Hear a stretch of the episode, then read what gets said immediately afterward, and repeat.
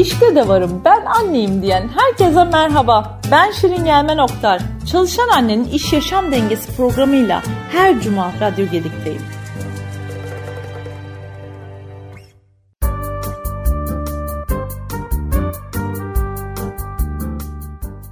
Herkese merhaba. Çalışan Annenin İş Yaşam Dengesinde bugün Ezgi Bahar'la bir aradayız. Genelde konuğumu ben tanıtıyorum bendeki karşılığıyla. Bu sefer değişiklik yapıyorum. Soruyorum. Ezgi öncelikle hoş geldin. Merhabalar Şirin, hoş buldum. Sonrasında o herkese sorduğum yegane soruyla başlıyorum. Çalışan anne kimliğiyle Ezgi kimdir? Ee, öncelikle gerçekten çok teşekkür ediyorum ee, böyle bir e, platformda bizleri bir araya getirdiğin, dinlediğin ve feyiz verdiğin için. Ee, çok keyif alarak e, takip ediyorum. E, ben şöyle e, özetleyebilirim belki. E, çalışan anne bence benim hayatımda en sevdiğim tarafım. E, biraz böyle düşünüyorum. Çünkü benim hayatımda, bu arada e, 36 yaşındayım. Yaklaşık 15 yıldır e, İK e, alanında, perakende ve medya şirketlerinde olmak üzere e, kendime göre uzun bir yaşamım oldu. Hep böyle dolu dolu geçirdim öğrencilik zamanlarından biri. Şimdi geriye dönüp baktığımda gerçekten en üretken olduğum, en e, belki de e, kendi performansımın en üst seviyesinde olduğum dönem diye düşünüyorum çalışan anneliği ve çok seviyorum. Yani anne olmayı çok seviyorum. Yani çok isteyerek bir gebelik geçirdim. isteyerek kızım kucağıma aldım. 5 yaşında şu anda da. E, çalışma hayatında da isteyerek bulundum. Ben böyle doğum izninden hani 6 ayda dönmüştüm e, Eliz'i e, bırak. Tabii ki annelerimin de desteği oldu sağ olsunlar. Ama çok keyif alarak e, işime de keyif alarak döndüm. E, dolayısıyla böyle hayatımın en e, keyifli dönemlerinden biri bence çalışan anne olmak. En üretken dönemlerinden biri. Performansımı en üst seviyede kullandığım dönemlerden biri diyorum. Tabii bu tercihen olmuyor. Bazı şeyler otomatik evet. oluyor ve olmak zorunda oluyor. hani o yüzden ama şimdi geriye dönüp baktığımda diyorum ki ya bu kadar özellikle o ilk bebeklik dönemleri bu kadar çok tempoyu, bu kadar işim de bu arada çok yoğun. Hani e, zam dönemlerinin, personel problemlerinin, değerlendirme dönemlerinin hiç bitmediği, koşturmalı ya. bir dönem. O yüzden geri dönüp bakıyorum. Şu anda da hani içindeyim zaten çok fazla efor sarf ediyorum ama ben anlıyorum ki benim en büyük yorgunluğum gibi görünen annelik aslında benim en büyük enerji kaynağım. Hani bu hmm. beni çok mutlu ediyor. Yani çok ayrı bir motivasyon. Çünkü anne olmadan önce belki daha çok söylendiğimi hissediyorum Hı-hı. ve diyorum ki şimdi ben neye söylenmişim? Hani o dönem bu kadar yorulduğumu düşünmüşüm aslında gerçekten yorulmuş muyum? E, o çocukların o enerjisi bizi belki çok yoruyor. Hani sabrımızı çok tüketiyor, enerjimizi çok tüketiyor. Belki kendimize çok zaman ayıramıyoruz. Yeri geliyor. Ama inanın ben böyle o e, yorgunluğun bir yandan da enerji kaynağı olduğunu, sanki bir kinetik enerji gibi o hareketliliğin bizde bir enerji yarattığını düşünmeye başladım. Yani kendi hayatımda biraz bunu tecrübe ettim diyebilirim. Şimdi sen en çok sevdiğim taraf çalışan annelik dedin ya bana ne oluyorsa ben de yaşasın yapıyorum arkadan. Görmüyorsun sen onu. Ya diyorum ki sonrasında Şirin ne yaptın seni dinlerken aslında şunu e, çok sevdim anlatışında. Zorluklar var, süreçler var. O herkesin yaşadığı her şey bizde de var. Ee, ama onun içerisinden baktığında, geriye dönüp baktığında oranın seni nasıl başka bir yere getirdiğini, ya yapılır mı bu, bunu nasıl yapıyorsun diyenlere ne bileyim işte oluyor diyebiliyoruz aslında. Kuzenim var benim evli fakat çocuğu yok. Bana sürekli diyor ki ya senin zamanın galiba 34 saat. Yani bana 24 verdiler sana 34 verdiler. Ya sen nasıl yapıyorsun bunları diyor. Diyorum ki hayır benimki de 24. Ama sen nasıl yapıyorsun? Herhalde dedim çocuklardan güç alıyorum. Çünkü o kadar böyle pratik olmaya alışkınız ki çok şey yapıyoruz. Evet, Sende de onu duydum. Ama çok güzel de bir cümle söyledin Ezgi. Dedin ki yani aslında benim en keyif aldığım, en üretken olduğum e, taraf dedin zorluklara rağmen. E, ben buradan sormak istiyorum ilk. Ya evet zorlu bir sektörün içerisindesin ee, ve o zorlu evet. sektörün içerisinde İK zaten başlı başına zorlu çünkü çok sesli bir koro. Herkes bir şey istiyor ve herkes Kesinlikle. sorumluluğunu sana veriyor. Şirket bir tarafta, çalışanlar bir tarafta aradasın. E diğer tarafta da evde de Eliz'in o 5 yaşında o ihtiyaçları daha henüz çok taze. E, sen bu süreçlerin içerisinde, senin hikayende sen bunun üstesinden nasıl geliyorsun? Hangi özelliklerin kolaylaştırıyor bu sürecin üstesinden gelmeni? Onu merak ettim. Yani ben öncelikle biraz dengede tutmaya çalışıyorum. Yani mesela şöyle bir şey yaparsam bence ben e, hem işime hem kendime hem kızıma haksızlık etmiş olurum. Yani hep çocuk e, ve sadece onun e, öncelikleri değil. Çünkü hayat böyle bir şey değil. Yani ona da şu mesajı vermek istemiyorum. Yani her yerde her zaman senin önceliklerin olacak anneciğim. Hani böyle bir dünya yok. Bazen önceliklerimizi bekleteceğiz, erteleyeceğiz. Benim öyle dönemlerim oluyor ki çok yoğun oluyor ve gerçekten o da tabii ki kendini de bilmeye başladığı dönemlerde artık. Elizciğim şu an benim toplantım var ya da e, hani şu bir saat kesinlikle e, beni rahatsız etmemen gerekiyor, bölmemen gerekiyor. Kenardan izleyebilirsin merak ediyorsan ama bölmemen gerekiyor diyorum. Mesela öncelik o anda e, iş oluyor. Hı hı. Ama bazı dönemler var ki mesela benim e, işte yönetici arkadaşlarım, personel arkadaşlarım, diğer e, birimlerden arkadaşlarım arıyorlar mesela çok acil ve hayati değilse gerçekten yani şu an uygun değilim. Hani ben hani bir onunla oyun kurmuş oluyorum ya da onu bir yere götürmüş oluyorum ya da çok keyifli bir an yaşıyoruz. Belki o mesaja çünkü bizim işimizde de bu arada telefon, bilgisayar, mailler, susan, duran hani e, şeyler değil, e, destekçiler değil. Dolayısıyla orada da onlara kesinlikle es verdiriyorum. Öyle bir denge e, sağlamaya çalışıyorum ya da kendimle ilgili hani benim bir ihtiyacım varsa ve o öncelikle ise e, o zaman gerçekten onu yapmaya çalışıyorum. Bir denge kurmaya çalışıyorum. Denge ve empati diyebilirim belki. Hı hı. Bir de empatik yaklaşmaya çalışıyorum. Yani ben hani e, her zaman kendi gibi penceremden ya da kendi göz, gözlüğümden bakarsam bir şeyleri kaçırıyor olabilirim. Hani bazen bazı şeyleri değerlendirirken eliz olmaya çalışıyorum. Bazen yöneticim olmaya çalışıyorum. Hmm. Bazen de ekip yani ekibimdeki arkadaşlardan biri olmaya çalışıyorum. Tabii ki eksim e, yanlış mutlaka oluyordur. Yani hepimiz insanız. Hani hiçbir şeyi dört dörtlük ve mükemmel yapmamız e, mümkün değil ama ben bu koşturmada böyle denge ve empati e, bacakları üzerinde biraz gitmeye çalışıyorum. Bana bunun iyi geldiğini düşünüyorum. E, tabii ki bunun böyle baktığımızda bir doğrusu var mı? Hani hı hı. salt bir e, kesinlikle olması gereken şudur diyebileceğim bir şey yok aslında. Bu bana iyi gelen yöntem ya da benim becerebildiğim yöntem. Hani belki de evet. bu bir keşif süreci. Yani belki de keşfetmediğim bir şey daha var. Mesela bir yöntem daha var ama ben henüz bunu keşfedemedim. Yani o bana keşfettirecek hayatımda illaki şeyler olacak. Hani ona inanıyorum. Çünkü bu bir yolculuk bitmeyecek bir yolculuk. Bu üretim yolculuğu, annelik yolculuğu bitmeyecek bir yolculuk. Çalışan anneliği de bu arada hani sadece maaşlı bir işte çalışmak gibi değil. Evet. Üretmek, katkıda bulunmak, bir şeyleri e, destek olmak, yönlendirmek hani gerçekten e, zihnen ve bedenen e, e, mentalite olarak çalışmak olarak e, tanımlıyorum ben de.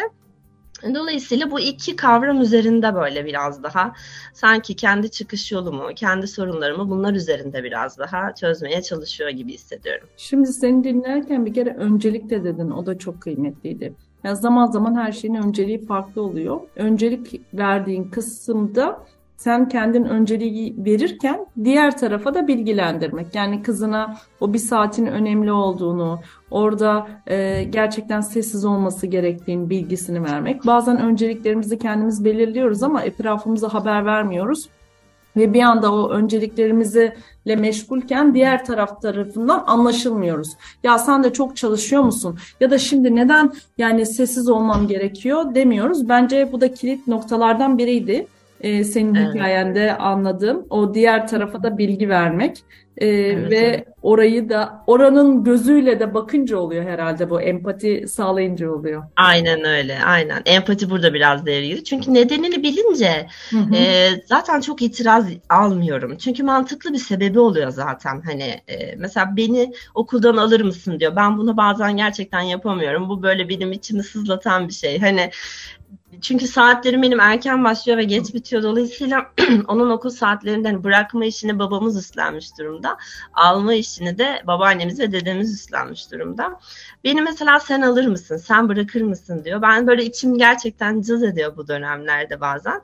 Ama şöyle yapıyoruz. Eliz bu hafta çok yoğun bir hafta ama önümüzdeki hafta söz veriyorum seni bir gün ben bırakacağım, bir gün ben alacağım. Hani bunları böyle şey yapıyoruz. Hani Çünkü bu hafta diyorum bak ücret artışları var. Hani ya da bak bu hafta terfiler olacak biliyor musun? Hani biraz böyle onu açıklayarak hani benim işim de çünkü çok, çok böyle somut bir iş değil ya da onun Belki işini de açıklayabilirsin ya Ezgi burada.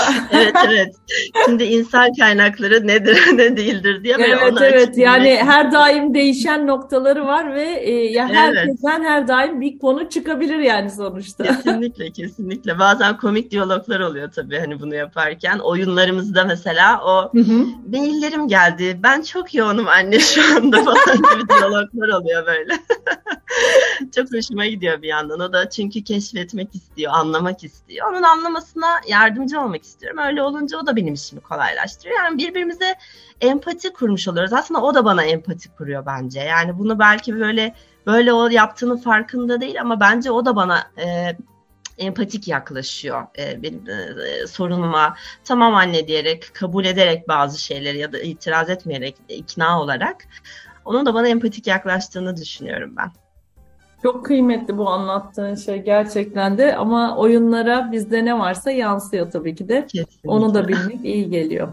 Peki soru sırası sen de bakalım sen bana ne soracaksın? Evet. Meraktayım. Ben birazcık böyle çalışmaya çalıştım dersimi. Ben meraktayım. yani biraz da böyle farklı bir yerden girmek istedim. Belki ben de hani anneliğimin e, ilk periyotlarında olduğum için belki son dönemin etkileriyle de böyle sosyal medyadaki yaklaşımların vesaire etkileriyle bir soru geldi aklıma Hı-hı. sormak. Şimdi bazen böyle annelik e, dışarıdan gelen mesajlarla ya da etkilerle bize bir yarışmış gibi hissettiriliyor. Özellikle böyle çalışan anneler üzerinde bir baskı gibi oluyor çalışmayan anneler üzerinde de yani ev, daha çok evde vakit geçiren anneler üzerinde de bu oluyor. Yani bu aslında bütün anneler üzerinde olabiliyor. İşte hani bir yarışmış gibi işte atıyorum e, işte yani örnek olsun diyorum ek gıda döneminden işte yok yoğurdunu mayaladımdan tarhanasını yaptıma kadar hani, hani böyle bu tarz bazı şeyler oluyor. Ben bunu kendimce bariyerlerimle kendimi bunlara karşı korumaya çalışıyorum. Tabii ki bazen etkileniyorum. E, yapamadığım dönemler de oluyor ama e, bu aslında çok doğru bir şey değil. Bazen bunu anneler annelere de yapıyor. Belki öğrendiklerinden dolayı Tabii. böyle yapıyorlar. Kötü bir niyetten değil.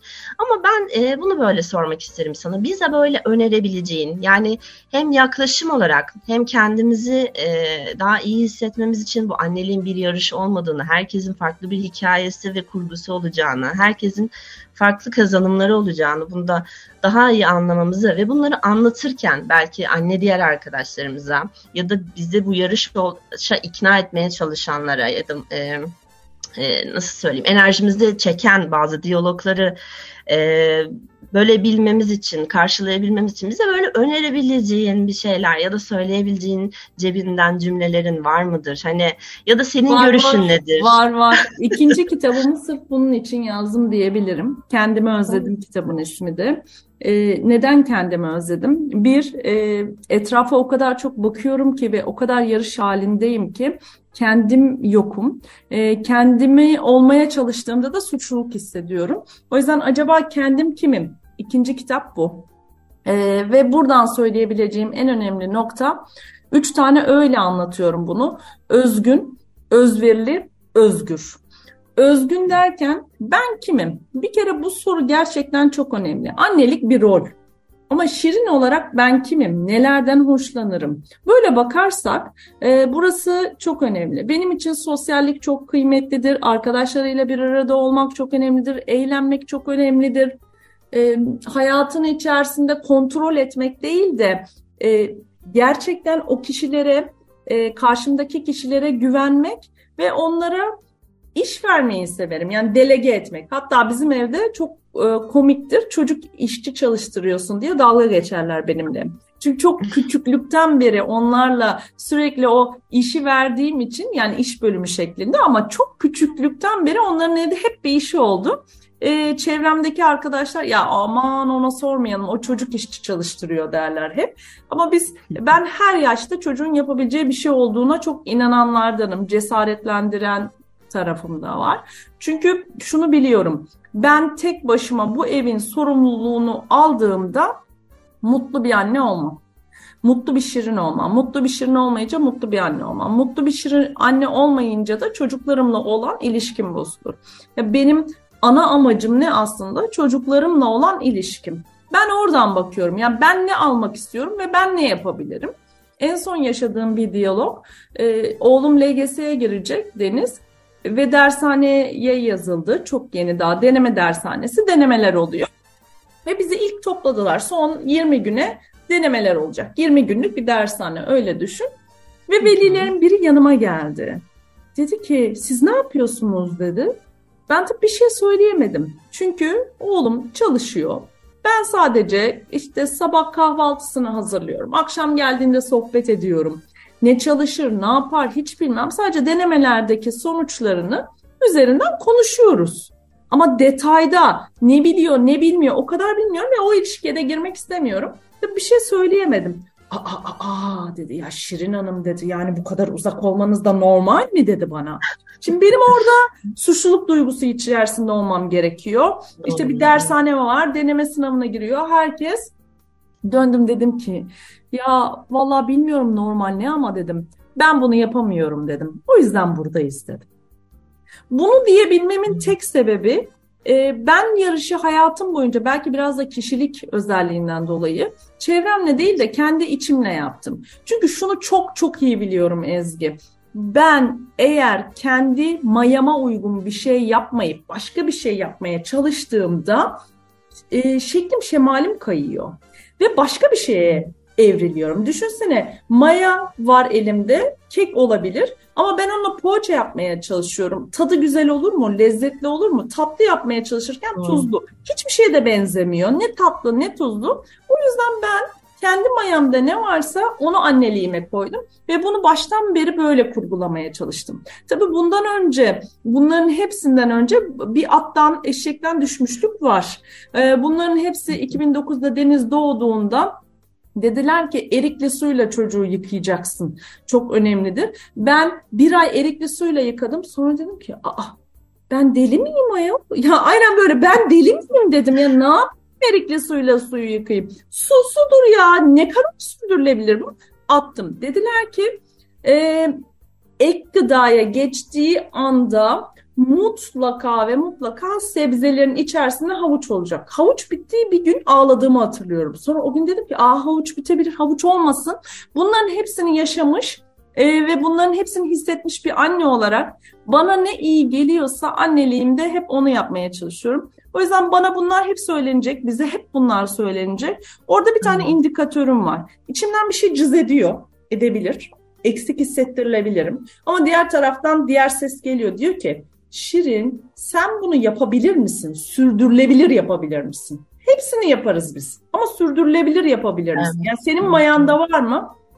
Yok. O zaman yapamayacağımı söylüyorum. Benden bu çıkmaz diyorum yani. Çünkü benden çıkacak da bir şey var. Benim formülüm bu diyebilirim yani. Evet.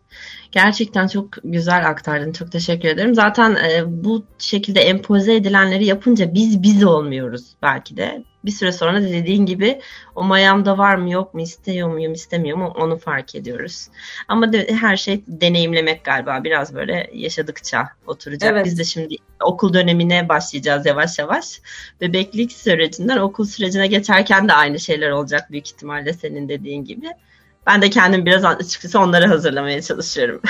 Şimdi ben o zaman sana soruyu oradan sorayım. Şimdi bu okul dönemi ilk kitabı yazarken o kadar çok insanın kafasını karıştırır ki eve yakın mı olsa, o pahalı okul mu olsa, o herkesin gittiği okul mu olsa. Sen şu anda okul döneminde olduğun için soruyorum. Evet, evet. Okul seçimi sürecinde seni en çok ne zorluyor ya da bu süreçte neler yaşıyorsun? Ben sendeki karşılığını çok merak ediyorum. E, ben e, biz şimdi 3 yaşında başladık. Tam 3 yaşında e, ben e, çalıştığım için burada annemle e, kayınvalidem de destek oldukları için dönüşümlü bir şekilde hani onları da çok fazla yormak istemedik. Bir yandan şeyi de istedik. Hani yavaş yavaş şeye başlasın e, hani daha çok akranlarıyla olsun. Bu arada biz de çok sosyal bir aileyizdir. Hani sürekli bu koşturmamızın içinde işle ilgili tempomuz eşimde yoğun çalışır ama bizim her zaman evimiz dolar taşar, gelenimiz gidenimiz çok olur. Her hafta sonu bir e, atraksiyonumuz vardır. Çok izole bir çocuk olmadı. Ama ona rağmen yine de bir okul disiplininde olsun. Çünkü e, anneanneyle babaanneyle anneyle büyüme dengesi de zorlayıcı oldu benim için. Hani üç ebeveyn varmış gibi oluyor çünkü orada da. Yani ben öncelikle ilk dönemde kendini iyi hissedeceği, seveceği, sıcak ve samimi bulabileceği bir ortam olsun istedim. Çünkü çok daha hani 3-5 yaş arası çok daha böyle e, bu temel ihtiyaçların e, söz konusu oldu. Kendi iyi hissetsin, okuldan soğumasın e, mottosunda olduğumuz bir dönemde. İşte gittiğimiz okullarda hani oradaki personelin tutum davranışı, hani e, programın içeriği hani böyle çok şey gibi olsun istemedim. İşte dil eğitimi, işte bir başlıyoruz 8 saat boyunca dil eğitimi veriyoruz ya da işte böyle bir mottom yok ya da işte matematikle okuma yazmaya geçiyoruz hemen. Hani böyle bir şeyim yok. Ben onun oyun oynamasını istiyorum. Hani oyun oynasın, paylaşmayı öğrensin, arkadaşlarıyla o keyifli şeyi yaşasın e, paylaşımı. İlk dönem için o önemliydi. Şimdi 5 yaşta ve önümüzdeki e, dönemin okulunu tercih etme dönemini geçirdik çok kısa bir dönem önce. Ya öncelikle maddiyat kısmına değineyim. Maddiyat kısmı bence ya ben mesela devlet okulunda okudum. Üniversitem de devlet üniversitesiydi. Ee, yüksek lisansımı yaptım yine bir devlet okulunda. Şimdi ikinci bir yüksek lisansımı yapıyorum özel okulda. Psikoloji alanında bu arada. Çok da keyifle yapıyorum. Evet evet ben o tarafı aslında... da inanılmaz yani. Şimdi çalışan annelere evet. bu, burada da örneksin. Yani yüksek lisansın var hem de ikinci yüksek lisansını hem de çocuğun 5 yaşındayken. 5 yaşında ve ikinci yüksek lisansım ben iktisat mezunuyum. Ee, yüksek lisansım yönetim organizasyonunda yapmıştım Marmara Üniversitesi'nde. İkinci yüksek lisansım psikoloji. Daha önce bizi psikoloji e, bölüm dışı olduğu için yüksek lisansa dahil edilmiyordu çok e, alan dışı bölümler. Şimdi böyle bir hak tanındı ve ben sadece gerçekten içeriği, davranışı, tutumları, insan psikolojisini sevdiğim için okumayı, e, buna göre belki bir şeyleri anlamlandırmayı sevdiğim için tamamen kendim için yaptım. Yani bu benim işimin bir zaruriyeti değildi. Bu benim böyle kendim isteyerek çok zevkle şu an mesela bir gün önce 3'te yattım çünkü bir sunumum vardı ertesi gün. Hani biraz böyle e, hani neden e, kendine iş arıyorsun diyenler de oldu tabii ki bununla ilgili. Yani sen az işin var herhalde kendine bir de yüksek lisans işi çıkardın diye. Ama ben gerçekten çok keyif alıyorum. Bu bana çok çok iyi geliyor. Bu benim gerçekten hayatta kendim için yaptığım bir şey. Yarın öbür gün belki bir iş yerimle de yarayacak e, akademik anlamda ya da e, sektörde kullanabileceğim şekilde de bir hal alacak. Ama bugün ben bunu planlayarak değil yapmak istediğim için yapıyorum. E, dolayısıyla böyle hani e, okul noktasında böyle hepsinin içine tabii ki dönemler farklı. Eskisi gibi değil belki müfredatlar, içerikler hepsi birbirinden farklı olabilir ama ben çok kişiyle ilgili olduğunu düşünüyorum. O zaman özel okul noktasında çok şeyim. Sürdürülebilir bir şey olacaksa belki anlamlı olabilir. Yani gitmiş olması için özel okula gitmemeli. O dönem vardır karşılayabileceksindir. Dönem vardır karşılayamayacaksındır. Bu hepimizin hayatında olabilir. Dolayısıyla tek ve birinci öncelikli kriter e, maddiyat ya da bütçesi olmamalı. E, okulun e, tutumu olmalı, öğrenime bakışı olmalı diye düşünüyorum. Çünkü orada alacakları çok kıymetli. Bizim veremeyeceğimiz şeyler belki de ya da e, tut, kendi tutum, bakış açımız, e, dünya görüşümüzle okulun ki birbirinden çok farklı olduğunda belki de çatışmalar olacak. Hani evde aile bambaşka bir şey söylüyorken okulda bambaşka bir şey alacak. Belki hani orada bir farkındalıkla karar vermemiz gerekebilir. Yani orada belki e, yani ben kendi adıma biraz ona e, özen gösterdim. Yani ben e, şu tabii ki şu an değişebilir. Hani Eliz'in adına şu an bir şeylere ben karar veriyorum ama zaten bir noktadan sonra kendi adına kendisi karar verecek. Sadece şu an o yetkinlikte olmadığı için ben karar veriyorum. Ben bu işi geçici yapıyorum aslında. Hani öyle görüyorum. Yani yarın öbür gün gideceği üniversiteyi kendi seçecek. Belki başka bir ülkede yaşamak isteyecek bambaşka bir benim hayalimdekinden bambaşka bir iş yapmak isteyecek. Ben sadece temel eğitim ve öğretimini kendimce bir, bir normlarım var kafamda. Hani şunları şu normlarla, şu çerçeveyle büyüsün e, istediğim normlara göre seçmeye çalışıyorum. Yani okulun bakış açısı, yaklaşımı, vizyonu biraz bunlara odaklanmaya çalışıyorum. Sonrasında tabii ki e, şeyler gelecek, e, diğer kriterler gelecek ama en önemlisi bence bu diye düşünüyorum. Çünkü şu da var. Ben mesela eşimle 15 yaşında lisede tanıştım. Ve biz böyle çok keyifli, e, tabii ki inişli çıkışlı ki ergenlik dönemi de kapsıyor. bu çok planladığımız bir şeydi. Çok akışına bıraktık. Kaç böyle yıl birliktesiniz? 10 yıl birlikte olduk. Ondan sonra evlendik. 10. yılımızda evlendik evet. yani ve e, 10 yıldır da evliyiz. Hani 20 yıldır 20 hayatımın yıldır. 20 yılını kendisiyle geçirmiş durumdayım ama her zaman geriye dönüp baktığımda en büyük şanslarımdan biri derim. İyi ne ki e, yollarımız kesişti ama mesela okul noktasında şu da çok önemli. Oraya bağlayacağım. Belki de sizin e, network'ünüzü belirleyecek. Yani belki sizin e, gönül ilişkilerinizi belirleyecek, arkadaşlık ilişkilerinizi belirleyecek ya da yarın öbür gün ne iş yapacağınızı belirleyecek. Hani sadece okumak, yazmak diye değil, çok daha geniş düşünmek lazım. Biraz daha vizyonlu düşünmek lazım. Hani ileriye atılacak bir adımın birinci seviyesi gibi düşünmek lazım. O yüzden okulun e, vizyonu, okulun e, görüşü, okulun kapsamı, içeriği biraz bunlara odaklanmak lazım diye düşünüyorum kendi adıma. Şimdi e, şunu da sormak istiyorum. Bu aralarda hiç aklın karışmadı mı? Çünkü okulla ilgili hep akılları karışıyor çalışan annelerin genellikle. Evet, doğru. Ve bazen bana da soruyorlar. Ay, e, ya ben kitapta da yazmıştım ilk kitabımda. Sen ne istiyorsun? Yani nasıl bir eğitim sistemi istiyorsun? Eşinle birlikte bu konuda uyumlu musun? Ee, ve gerçekten çocuğun senin istediğin o eğitim sistemine adapte olabilecek bir kişilikte mi? Aslında bu üçü. Çünkü bazen anneler istiyor ki çok güzel iki dil bilsin, üç dil bilsin ama çocuk e, daha farklı bir yapısı var. Yani mesela ben ilkokul birde Derin'le Deniz'i ayrı okula gönderdim. Bir çalışan anne için ne kadar zor aynı okula değil de ayrı okula göndermek. Çünkü karakterlerinin farklı olduğunu düşündüm. Yarım dönemde bir fark ettim. Derin bana göre daha böyle matematiksel zekası olarak değil de daha sözel zekası yukarıda gibiydi. Yarım dönemde bir fark ettim. Aa hayır matematikte de okey. Hemen okullarını birleştirdim. Bunu evet. hızlıca yapabildim ama ilk başta fark ettiğim farklıydı. E, bu süreçte benim aklımı çok karıştırdılar. Yani sen deli misin? İki çocuğu ayrı okula göndermek, iki tane ayrı veli toplantısı, iki tane ayrı okul, e, iki ayrı servis gibi gibi gibi. Şimdi oradan da merak ediyorum. Sen bu süreçte hiç karıştın mı? Çok karıştım. Hani çünkü gerçekten bazen çok araştırmak da çok da karıştırabiliyor Hı-hı. kafayı. Hani bazı şeyleri çok öngöremiyorsunuz çünkü. Hani böyle ya biz şöyle başladık mesela bu maceraya.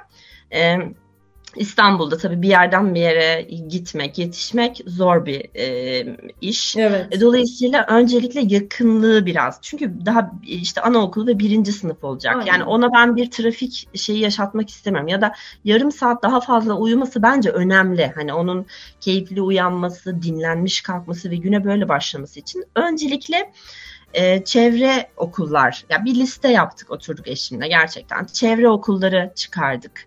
Hani bu çevre okullardan Sonra ikinci aşama bütçemize geçtik tabii. Şimdi hı hı. sürdürülebilir olması burada da önemli. Çünkü ben bu bu sene işler çok iyiydi. Dur bu okula gitsin. Öbür sene sıkıntılı öbür okula. Ya hani böyle olmamalı bence. Yani hani bir dört senemizi öngörebiliyor muyuz? Tabii ki Türkiye koşullarında bu çok net bir şekilde öngörmek mümkün değil ama üç aşağı beş yukarı hani okul değiştirmemizi gerektirmeyecek bir noktada mı olur? Kendi çevremizdeki devlet okullarına da baktık. Çok güzel pilot okullar var. İkamet yılımız uyuyor mu uymuyor mu? Hani böyle derinlemesine girdikçe kafa gerçekten çok çalışıyor ama biz şuna e, e, şuna gittik en son. E, tabii ki etrafımızda bu okulları tecrübe etmiş kişilerin yorumlarına da gittik. Hani hı hı. mesela benim e, listemdeki bir okuldan sitemde üç kişi e, mesela hı. birinci sınıf e, ilk öğretim dönemi daha doğrusu diyeyim vardı. Mesela onlardan fikir aldım. Hani artılarıyla eksileriyle. Çünkü hiçbir okul da mükemmel değil. Hani bunu da aramamak lazım. Hani hiçbir insan nasıl mükemmel değilse, hiçbir iş yeri nasıl mükemmel değilse, hiçbir okul da mükemmel değil. Sadece te, o dengeyi kuracak terazi de benim daha çok önemsediğim şeyler e, yeterli mi diye bakmak lazım. E, bunları da yaptık. Böyle bir üçe falan düşürdük. Ama o kafa karışıklığı hep devam ediyor. Yani acaba ellediklerimiz daha mı iyiydi falan gibi böyle. Ama e, ona da girersek çok çıkamıyoruz gerçekten de. Bu sefer belki de odaklanmamız gereken şeyden uzaklaşıyoruz. Ya biraz böyle bir liste yapıp hani tik attık tik attık ve en son kalan 2-3'e de artık biraz daha bütçenin de e, gücünün konuştuğu bir noktaydı. Ona göre bir karar verdik. Ama gerçekten o kısa listeyi oluşturmak, biraz daha odaklanmak gerekiyor diye düşünüyorum. O zaten kısa listeyi oluştururken de ilk başta bahsettiğim şeyler o listeyi oluşturdu. Evet. Bize vizyon, bakış açısı, yaklaşım, eğitim tipi, eğitim tarzı. E, onlar arasından böyle bir seçim yapmaya çalıştık ama belki de bilmiyorum hani doğru mu yanlış mı önümüzdeki günlerde Tabii, belki de senin yaşadığın gibi bir şey de yaşayabilir. çok net söylemek istiyorum. Burası evet. aslında çevre okullar bütçeniz, referans alması ve içinize sinip karar vermeniz ve ilerlemeniz. Burası evet. çok kıymetli ve önemli oluyor gördüğüm kadarıyla. Bir 7 dakikamız kaldı programın bitmesine. İkinci sorunu e, olabildiğince kısa yanıtlamaya çalışacağım çünkü son sorumla bitirmek istiyorum. Tabii ki. O zaman hemen şöyle e, onu da toparlayayım. E, şimdi benim de içinde durumdu, olduğum bir durumdu. Böyle e, anne dışında birincil bakım veren e, kişilerde olduğunda hı hı. bizde de anneannemiz, babaannemiz vardı. Bu e, üçlü dengeyi yönetmek için bize verebileceğin tiyolar var mıdır? Ya da nasıl bu dengeyi daha sağlıklı kurabiliriz? Ya burada bir kere e, anneyim ben kurallarım budur. Anneanne ve babaanne de asla işlemiyor. E, yaklaşık bir buçuk ay e, Deniz'i e, anneannesinin yanına gönderdiğimde e, ilk söylediğim şey işte biz e, kapalı gıda yemiyoruzdu. E, bir sürpriz yapayım dedim. Çay saatinde yanlarında top kek vardı. E, ve çok net o gün anladım ki ben sen ne dersen de onlar bildiklerini yapacak. O yüzden ne onlarla o ilişkiyi bozmaya gerek var ne de o şekilde ilerlemeye gerek var. Ama e, oğluma ve kızıma söyledim ki o anneannenin evinde geçerli kurallar, bu babaannenin evinde geçerli kurallar. Bizim evde de kurallarımız bu. Yani her evin kuralının ayrı olduğunu ve herkesle nasıl ilişki kuracağını çok iyi bilirler. O yüzden aslında bunu ben e, anneanne babaanne tarafında değil de daha çok çocuklar tarafında ilerletmeye çalıştım ve hep bunu söylüyorum. Ama anneannem dediklerinde o anneannenizin evi orada kurallar serbest.